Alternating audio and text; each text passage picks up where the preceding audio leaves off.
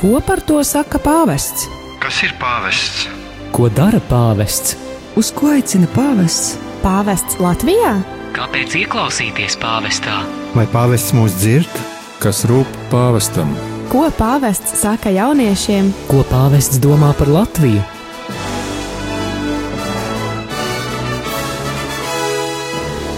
Gaidot pāvesta vizīti Latvijā, atbildes uz šiem un daudziem citiem jautājumiem meklēsim raidījumā Pētera pēdās. Katru piekdienu, pulksten 13. ar atkārtojumu sestdienā, pulksten 10.10 10 un otrdienā, pulksten 22.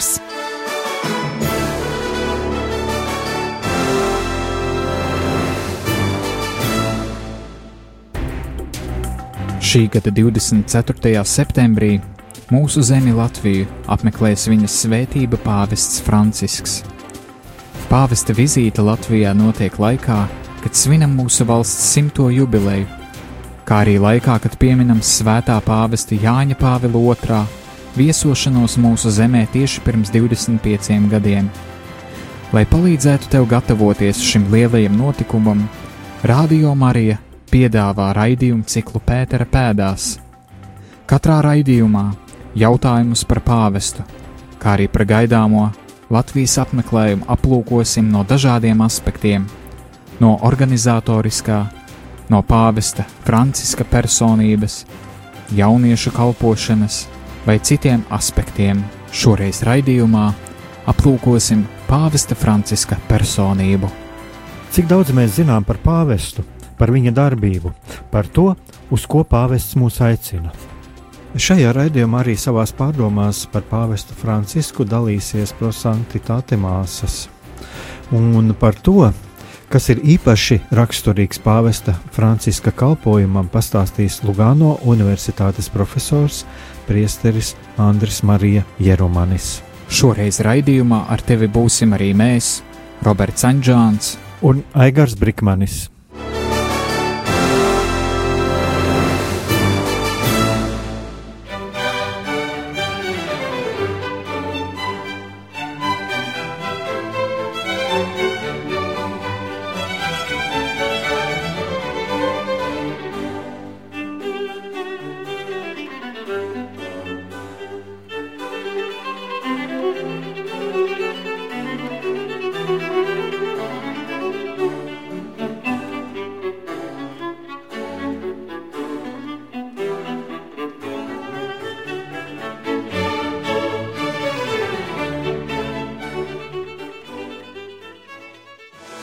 Raidījums Pētera pēdās katru piekdienu, pulksten 13. ar atkārtojumu sestdienā, pulksten 10.10 10 un otrdienā, pulksten 22. Pagājušajā raidījumā mēs sākām ar pamatu pamatiem un noskaidrojām, kas ir pāvests un kā tas viss sākās. Šoreiz mēs devāmies ielās, lai noskaidrotu, ko tad īsti cilvēki zina par pāvestu, par viņa personību un arī par gaidāmo vizīti Latvijā. Ko saka cilvēki ielās? Jūs esat varbūt dzirdējuši, ka septembrī pāvests Francisks būs Latvijā. Jā. Varbūt jūs varat padalīties kaut ko par viņa personību. Varbūt jūs esat dzirdējuši kaut ko, piemēram, kā ir cilvēki, kas dalās, ka viņš mazgā noziedzniekiem kājas, vai kaut ko, vai, nu, pa, pada, padalieties. Es neesmu, neesmu dzirdējusi. Mhm, bet kopumā, ka tas tā ir. Kaut kādos lielos vilcienos, ko, ko jūs esat dzirdējuši cilvēks veic savu darbu, tāpat kā mēs katrs ikdienā veicam savu mm -hmm. darbu. Tad man nav viedokļi par dažādām niansētām mm -hmm. darbībām. Mm -hmm. Varbūt vēl kāds? Nu, man gluži tāpat maz informācijas. Un... Mm -hmm. Masu mēdījos nekur uh, neesat lasījuši. Vai jūs minējāt, to es arī esmu lasījis. Mm -hmm.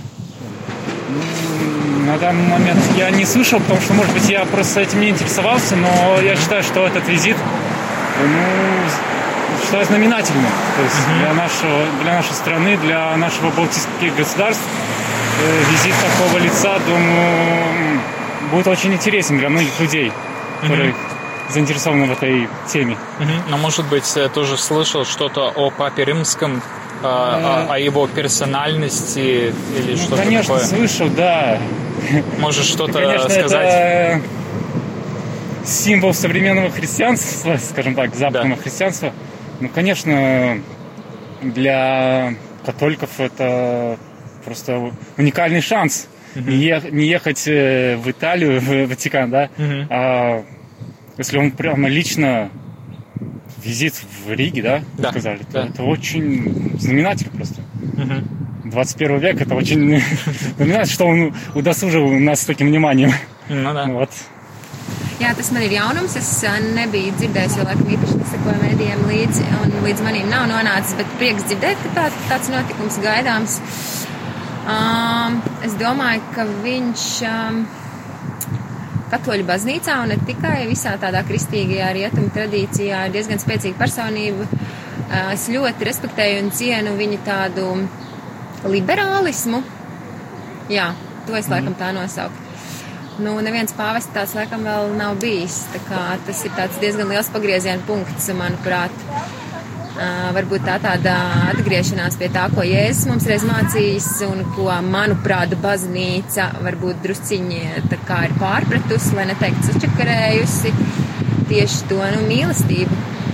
Jo Jēzus jau nāca ar mīlestību, ar diezgan lielu mīlestību, ko es domāju, ka ļoti daudziem uh, mācītājiem un visādiem citādiem varbūt ir grūti akceptēt. Nu, kaut kā tā. Mhm. Paldies! Raidījums Pētera pēdās katru piekdienu, pulksten 13. ar atkārtojumu sestdienā, pulksten 10.10. un otrdienā, pulksten 22. Kas ir īpaši raksturīgs pāvesta Franciska kalpošanam, pastāstīs Lugano Universitātes profesors Priesteris Andris Marija Jeromanis. Eksperta viedoklis. Pāvests kā personība ir piesaistījis daudzu cilvēku uzmanību, un es domāju, ka arī ļoti daudzus ir uzrunājis. Un viens no šādiem, es domāju, tiešām ekspertiem, kurš, jā, kurš ir eksperts varbūt par pāvestu, tas ir Lugano Universitātes profesors Priesteris Andris Marija Jerumanis, kurš ir eh, jau ar lielu pieredzi pāvesta encikliku komentēšanā. Tie, kas ir klausījušies Vatikāna radio, es domāju, atcerās.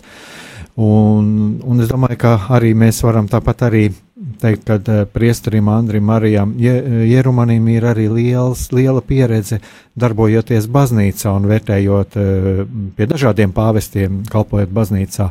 Un tāpēc man pirmais jautājums ir priesterim, kā varētu raksturot šo pāvestu, mm, kas ir īpašs tieši pāvestam Franciskam? Es domāju, ka viņš ir, viņš ir pirmais, kas nāk no Amerikas. Viņš ir pirmais, kas ir iezīts. Viņš ir pirmais, kas nāk pēc viena pāvestes, kas ir iedevis savu demisiju. Viņš ir, tātad nozīmē, jau no tās puses viņš ir vienreizējs. No otras puses, mums ir vērts pasvītrot dažus elementus, kas viņu raksturo un kas padara viņu mācību eh, līdz šim arī unikālu, ja ne eh, tādā nozīmē, ka tā pārtrauktu vienu vienotību ar iepriekšējiem pāvestiem, bet vienkārši turpinot tas, kas ir ierakstīts arī iepriekšo pāvestu mācībā, padziļinot to. Nu, eh, vispirms es gribētu teikt, ka pāvests tātad pirmo reizi nāk no, no pasaules gala, kā viņš teica. Ja Jānis Pāvils II teica, es nāku no, no baznīcas, kura nedrīkstēja runāt, tagad viņa runās, šis pāvests pasaka, es nāku no tās daļas, kas vis, visaizmirstākā ir, es esmu nabaks, mana tauta ir nabadzīga, un es esmu viens no viņiem. Pāvests nāk tātad no perifērijas, kā viņš ir pateicis. Viņš mūs atgādina, ka baznīca ir uh, globāla, ka baznīca ir katoliska, universāla, un ka arī pasaule attīstās, ka globalizācija mums liek domāt par uh, distancēm, kas nav īstenībā distances, jā, ka īstenībā baznīca arī uh, neierobežojas tikai ar Eiro, Eiropas baznīcu. Īstenībā uh, pāvests Francisks liek mums, kas dzīvo Eiropā, pārdomāt par katolisko dimensiju. Tas nozīmē par visaptverošo baznīcas dimensiju. Un tas ir pirmo reizi, kad mums ir tās pāvis, kas nāk ne no Eiropas, bet kas nāk no citiem, citiem kontinentiem. Un no tā kontinenta, kur šodien ir vairāk nekā 50% katoļu. Jā, mm, tātad mēs varam atgriezties pie tā, ka tomēr nu, daudziem cilvēkiem ir tāds priekšstats par pāvestu, ka viņš kaut ko taisās mm, baznīcā mainīt. Nākas dzirdēt, ka pat, pat baznīcas mācību mainīt, bet pēc būtības jau pāvests baznīcas mācību nemaina. Es jums pirms gribēju pateikt, pirmo lietu, kad visi kardināli iegāja konklāvā Viņi bija satikušies iepriekš, un katram bija jārunā, un katram bija jāiesaka citu priekšā, kā viņš redzētu nākošo pāvestu, par ko viņi vēlētu. Un ir ļoti interesanti, ka ir zināms, ko Bergoļo, tātad nākošais pāvests teica saviem eh, brāļiem kardināļiem. Un eh, šeit ir viņa vārdi. Domājot par nākošo pāvestu, eh, tam, būs jā, tam būtu jābūt cilvēkam, kas no kontemplācijas, no Kristus adorācijas izietu uz āru, uz perifērijām, pasaules perifērijām, lai parādītu, ka baznīca ir māte, auglīga māte, kas spēj iepriecināt, nododot tālāk evaņģēlijas prieku. Tā, tā viņš redzēja pāvestu, kādam viņam būtu jābūt. Un ļoti interesantā veidā, tad, kad viņš tika ievēlēts par pāvestu, visi atcerējās to, ko viņš teica. Un tas atbilst tātad tam pāvestam, ko kardināli izvēlēja.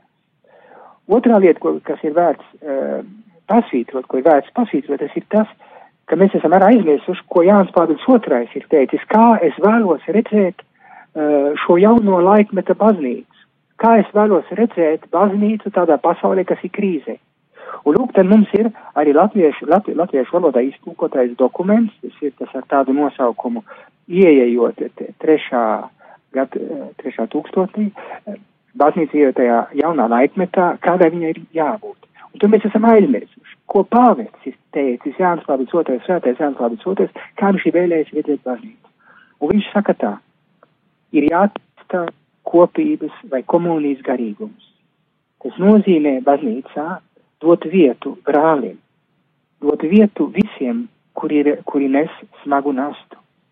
Un izvairīties no, no šī kārdinājuma, um, tas skar katru šeit baznīcā arī būt egoistiem un domāt tikai par savu karjeru, eh, būt eh, vienkārši grēsirdīgs uz otru, cīnīties, lai nonāktu citu cilvēku priekšā, citu uh, priekšā. Nē, nekas neizmainīs baznīcas dzīvi un nākotni, saka Jānis Pāvils II, bez šī garīgā ceļa. Nekāda ārējā reforma nederētu, ja nebūtu šie iekšējā reforma mēs visas baznīcas aparātu, aparātu, visas institūcijas kļūtu bez dvēseles. Tā būtu tikai tāda uh, ārējā komunijas uh, vai vienotības uh, izskats, bet īstenībā iekšēji tā būtu tukša. Tā Jānis Pāvils II. Un es domāju, ka Pāvils Francisks vienkārši turpina to, ko Jānis Pāvils II ir vēlējies priekš visas baznīcas. Tātad garīgo reformu, iekšējo reformu iedziļināties, jo be, bez šaubām mēs dzīvojam krīzes laikmetā. Un nevienam nav uh, noslēpums, ka cilvēki uh, mūsu uh, rietumu pasaulē attālinājās no baznīcas un vienkārši kļūst vienaldzīgi pret to. Kāpēc? Ir daudz iemeslu, bet viens no tiem iemesliem ir, ka mums ir jāatjaunojas no mūsu, no mūsu iekšienes. Mums ir jāseko Kristus evaņģēļiem radikālā veidā. Redziet, tad, kad pāvests uh, savā apusiliskā eksortācijā runā, tad nozīmē evaņģēlijas prieks, ka viņš runā par baznīcas atjaunotni, viņš runā tā šā, šādiem vārdiem. Es sapņoju par misionāru izvēli, kas spēja pārveidot visu tā, kā, kā parašas stils, grafiki, runas veids un visas baznīcas struktūras kļūtu par piemērotu gūtu mūsdienas pasaules evaņģelizāciju nevis baznīcas pašsaglabāšanai. Struktūra pārveide, ko prasa pastorāla atgriešanās, var tikt saprast tikai sekojoši. Rūpēties, lai visas šīs struktūras kļūtu misionārākas, lai parastā pastorāla kalpošana visās tās formās būtu ekspansīvāka un atvērtāka, lai pastorālie kalpotāji vienmēr ieņemtu iziešanas nostāju un tādējādi tiktu veicināta pozitīva reakcija no visu to cilvēku puses, kuriem Jēzus piedāvā savu draudzību. Nu, lūk, tā ir baznīca, kas iziet uz āru, jo skaidrs, ka baznīca nonākot kontekstā, polemikas kontekstā, kur uzbrūk baznīcai, un jeb baznīca kā tāda uzstat, ka šī mūsdienas cilvēki, viens no Kristus, var, varbūt mēģinās atbildēt divādo, izvēloties divas attieksmes. Vai iesākot karu pret šo pasauli, polemizējot, vai vienkārši ieraujot, ieraujot sevi, ieraujot uz sevi, vai uh, paliekot vienkārši savā struktūrā, baidoties no pasaules. Un pāvests vienkārši mums saka, nē, iziesim uz āru. Pat ja mēs esam minoritāte, mēs varam dot kaut ko pasaulē. Mēs varam atnest kaut ko, kas pasaulē nav. Un ko mēs varam atnest, tas, kas nāk no Kristus, tā ir šī kopības garība, šis komunijas garīgums, kas tieši mūsu pasaules kontekstā, globalizācijas kontekstā, ir absolūti vajadzīgs. Savā otrā encik, savā enciklikā Laudato Si pāvests pasvītro, ka mēs dzīvojam sabiedrībā, kur valda individualisms un egoisms. Un mēs esam aizmirsuši, mēs esam vienoti, ka mums ir jābūt vienotiem, ka viss ir relācija. To pašu jau Benedikts 16. kādreiz savā enciklikā Caritas un Veritāte pasvītro. Sociālā mācībā pēc pāvesta Benedikta tas svarīgākais bija tas atklāt šodienas cilvēkam, ka viņš nevar dzīvot viens pats un domāt tikai par sevi. Pāvests Francisks to attīsta, izējot no savas pieredzes, kas ir Dienvidamerikas pieredze. Un viņš izvēlās šo ceļu, es būšu kopā ar nabadzīgiem, es būšu kopā ar nabagiem, es būšu ar viņiem kopā, jo viņos es redzu Kristu. Un tāpēc viņš arī to tuvības ētiku pret jebkuru katru cilvēku, izējot no evaņģēlija, mums atgādina.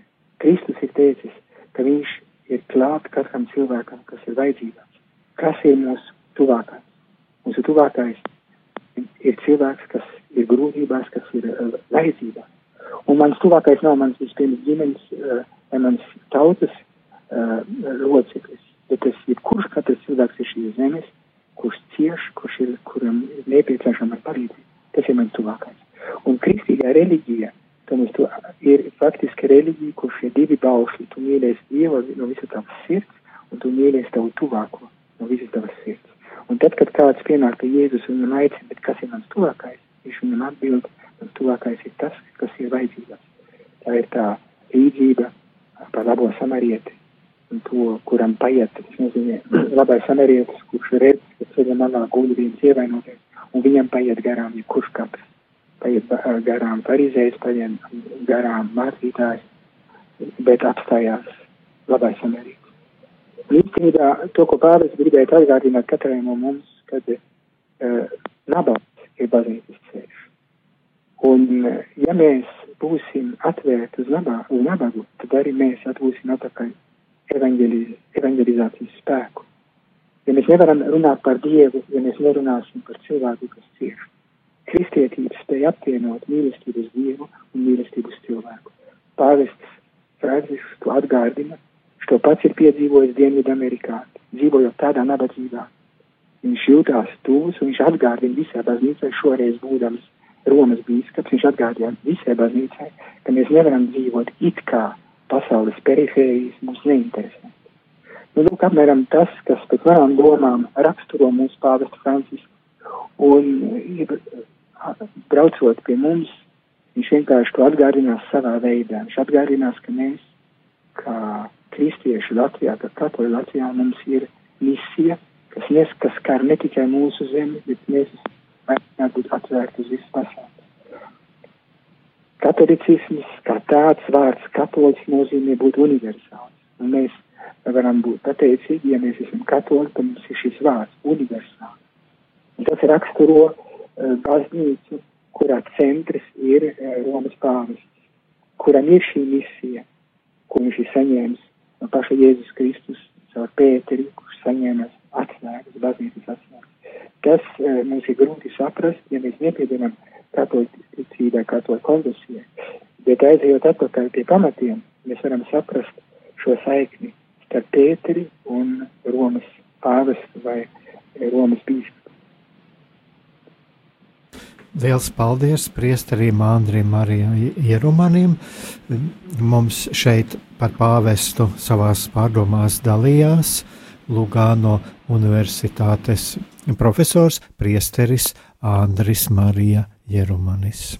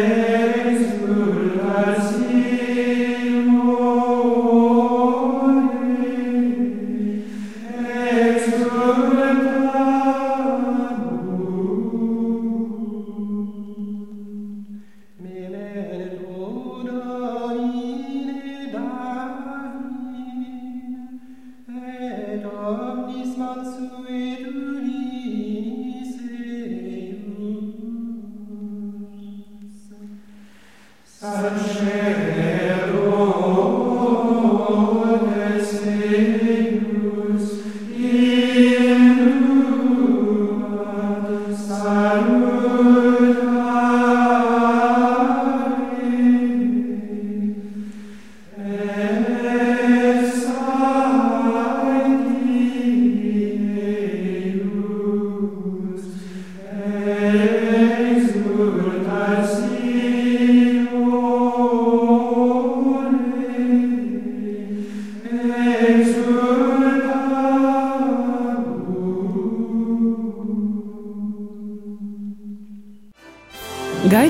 pāvesta vizīti Latvijā, raidījums Pētera pēdās katru piekdienu, pulksten 13. ar atkārtojumu sestdienā, pulksten 10.10 10 un otrdienā, pulksten 22. Atkal esam ēterā, lai turpinātu raidījumu Pētera pēdās. Būtībā mūsu dzīve ir paredzēta, Dievs mums ir radījis, lai mēs jau savā dzīvē tuvotos svētumam, tuvotos Dievam un lai satiktu Jēzu. Un tāpēc es arī vēlos eh, kaut nedaudz iepazīstināt eh, ar to, ko par to saka pāvests. Lai gan, darbie radioklausītāji, es domāju, ka jūs jau esat eh, diezgan daudz dzirdējuši, bet tomēr. Un es vēlos nolasīt nelielu fragment no Pāvesta Franciska apustuliskā pamudinājuma evanģēlīja gaudījuma, jeb evanģēlīja prieks.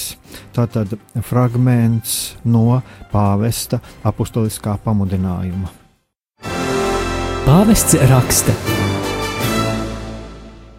Es aicinu katru kristieti tajā vietā un situācijā, kur tas atrodas jau šodien, atjaunot savu personisko sastapšanos ar Jēzu Kristu, vai vismaz pieņemt lēmumu ļaut, lai kungs viņu satiek, meklēt viņu katru dienu bez mitas.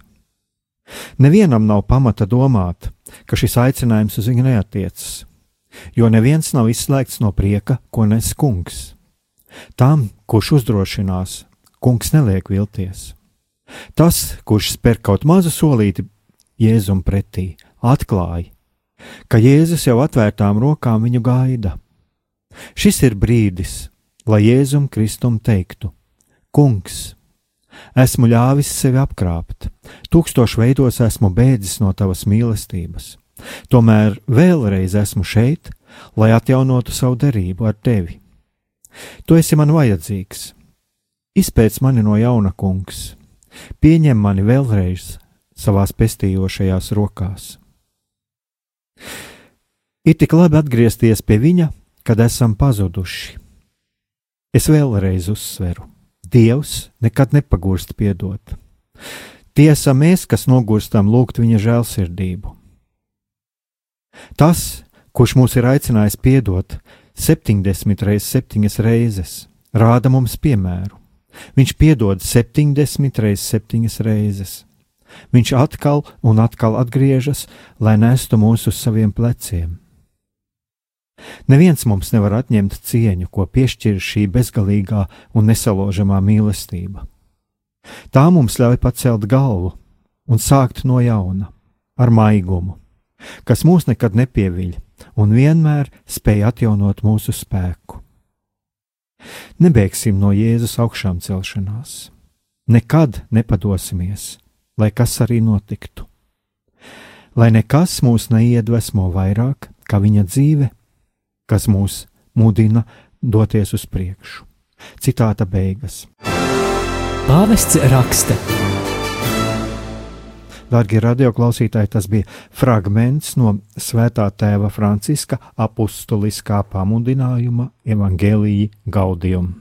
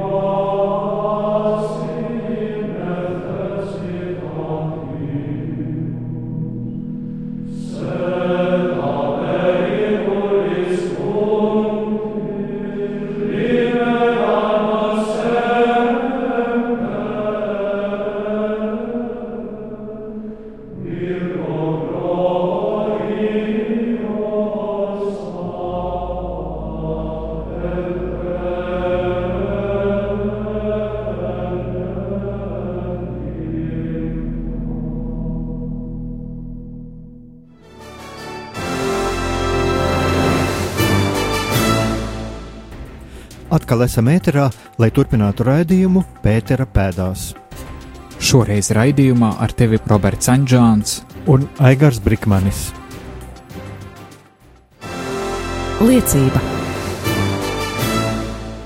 Es domāju, ka katrs cilvēks, eh, kuram ir nācies būt pāvesta klātbūtnē, satikties ar pāvestu, eh, varbūt runāt, varbūt tikai būt kādā audiencē, var arī kaut kā padalīties savos, savos iespaidos par, par šo tikšanos. Un, un šodien es esmu pie divām prosanktitāte māsām, Jā. kuras arī piekrita padalīties.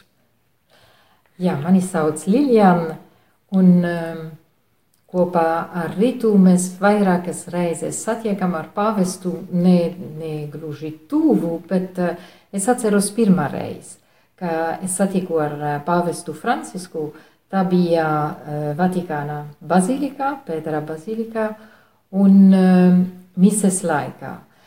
Kas man uzrunāja vairāk? Es neatceros, ko viņš teica tajā spriedītī laikā, mises laikā, bet es ļoti labi atceros um, viņa skatiens, kad viņš ienāca uh, bazilikā Parastā mēs bijām, un es biju pierasts pie uh, Jāna Pāvila otrā, un uh, kā viņš uzturējās, nu, viņš smaidīja pa labi, pa kreisi, pamanīja roku un tā, arī pirms mises.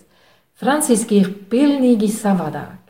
Es, uh, kad es uh, redzēju viņu mises uh, sākumā, nu, kad viņš gāja tajā procesijā līdz altārā, man šķiet, ka viņš jau bija tiešām dieva klātbūtnē. Un tad man ļoti, ļoti uzrunāja. Um, mēs varam, jā, taisīt bildi un tā tālāk, bet nu, um, tajā brīdī es neko nedarīju. Es tikai skatījos uz viņu un tikai viņa klātbūtne man nesa dieva klātbūtnē. Un tas, kas man iespaidīja vairāk no pavesta Franciska toreiz, un arī citas reizes, kad es satiku ar viņu audiences laikā. Es esmu Rīta, un, eh, kā jau teica Lilian, eh, vairāk reizes es piedalījos eh, dažas audiences, pāvesta audiences, gan Svētā Petera laukumā vai Sala Nervizāle. Un, ko es gribu teikt no pāvesta, man ļoti uzrunā, ka viņš dzīvo evangēlijā vienkāršākā veidā. Un, piemēram, ja mēs lasām arī dokumenti, ka viņš arī šo pēdējo laiku arī viņš rakstīja, e, viņš rakstā arī vienkāršākā veidā, ka visi cilvēki var lasīt. Un e, tas arī man, man ļoti uzrunā. Piemēram, kas vairāk mani uzrunā pēdējā no vien, pēdējiem dokumentiem, varbūt tāpēc, ka mēs esam arī par svētumu, pro sanktitāte, šo pēdējo apustulisko padmudinājumu, priecājiet, mēs un liksmojiet, kādā veidā viņš to raksta. Visi cilvēki to var lasīt vienkāršākā veidā. Ceram, ka drīz arī būs tūkot latviski. Personīga veidā, eh, eh, to, ko man uzrunā, ir, viņš dzīvo eh, Zveta Franciska garīgums. Eh, par to viņš droši arī izvēlēja šis vārds Francisks. Mēs zinām, ka ir pirmais pāvests, ka viņš arī sludināja vispasaules nabadzīgo dienu. Un tādā, tā arī man ļoti uzrunāja. Un viņš ej pretī visam nabadzībām formām. Ne tikai nabagi, kam nav neko ēst, vai kur viņiem nav nekur dzīvot, bet visas nabadzības formas. Un tad tā man ļoti uzrunā, jo piemēram, mūsu dibinātājs vienmēr mums, mums aicina iet pretī tiem cilvēki, kas ir gara naba, nabagi. Un tas ir mūsu garīgums. Pavests Francisks ej pretī visiem, bez robežām. Un arī, ja mēs domāsim, ka viņam ir 80 gadi, viņam ir tāds tā, tāda enerģija, tāds spēks. Un tas nāks tikai no Dieva, lai viņš turpina kalpot tā, kā viņš turpina tagad kal, kalpo baznīcā. Un es par to priecājos un gaidu pavestu šeit Latvijā. Ir atšķirīgs nekā, kad brauks uz, uz Romu, lai satiktu ar pavestu, bet pavests būs šeit mūsu Latvijā. Un tad es domāju, ka cik ir svarīgi mēs arī mēģinām palīdzēt citiem arī, lai sagatavotu to. Um, mēs ielikām arī mūsu saite daži teksti no šo pēdējo dokumentu, priecājieties un liksmojiet. Un uh, aicinā um, visu cilvēki, brāļi un māsas, lai to lasītu, pārdomot un lūgties arī par pavestu.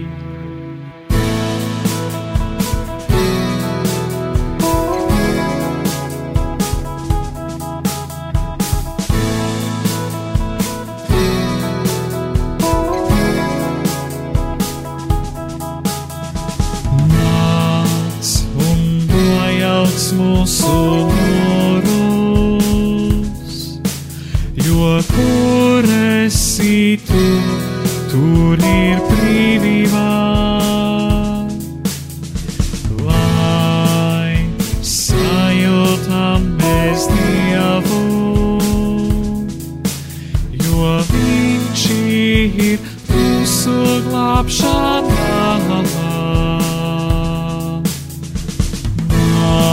Nāc, Svētais gars,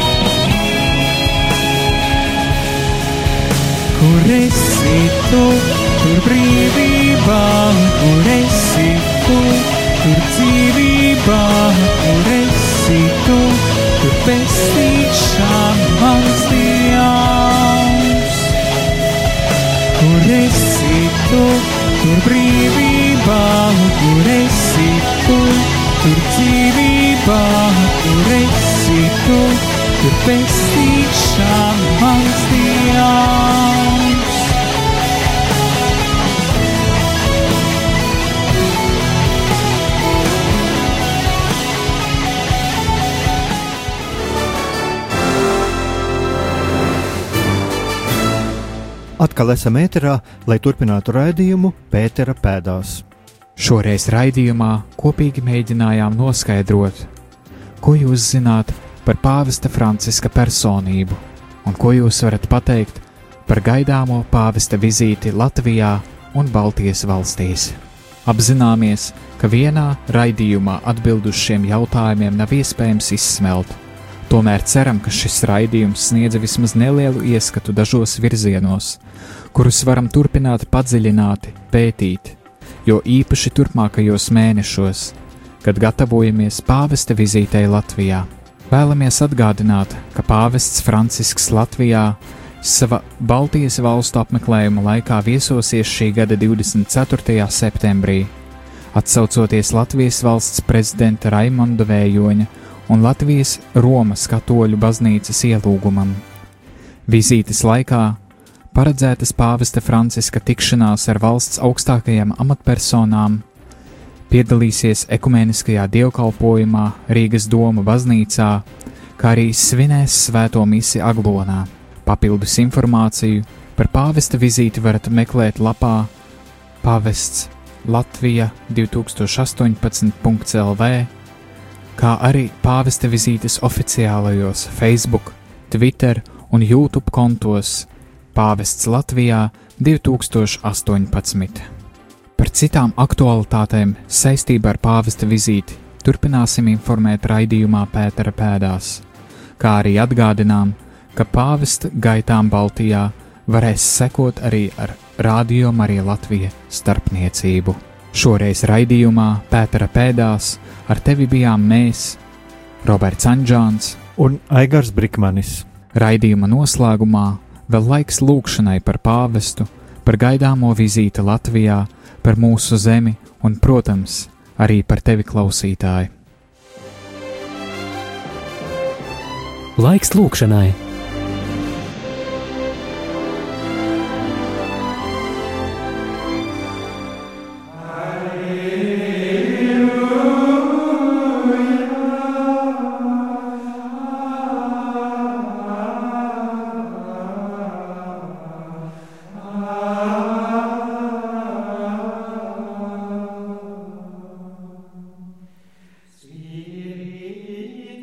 Kungs Dievs, visu ticīgo gans un vadītājs, uzlūko mūsu pāvestu Francisku, kuru tu esi aicinājis būt par tavas baznīcas galvu, un ļauj viņam ar savu vārdu un piemēru vienmēr stiprināt visu ticīgo vienību un kopā ar sev uzticēto ganāmpulku iemantot mūžīgo dzīvi.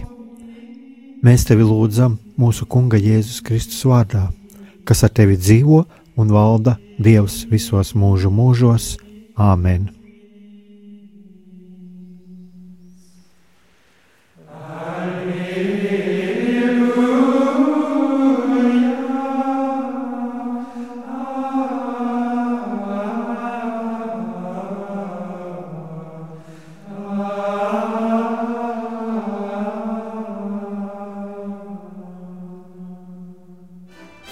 Gaidot pāvesta vizīti Latvijā, raidījums Pētera pēdās katru piekdienu, pulksten 13. ar atkārtojumu sestdienā, pulksten 10.10 un otrdienā, pulksten 22.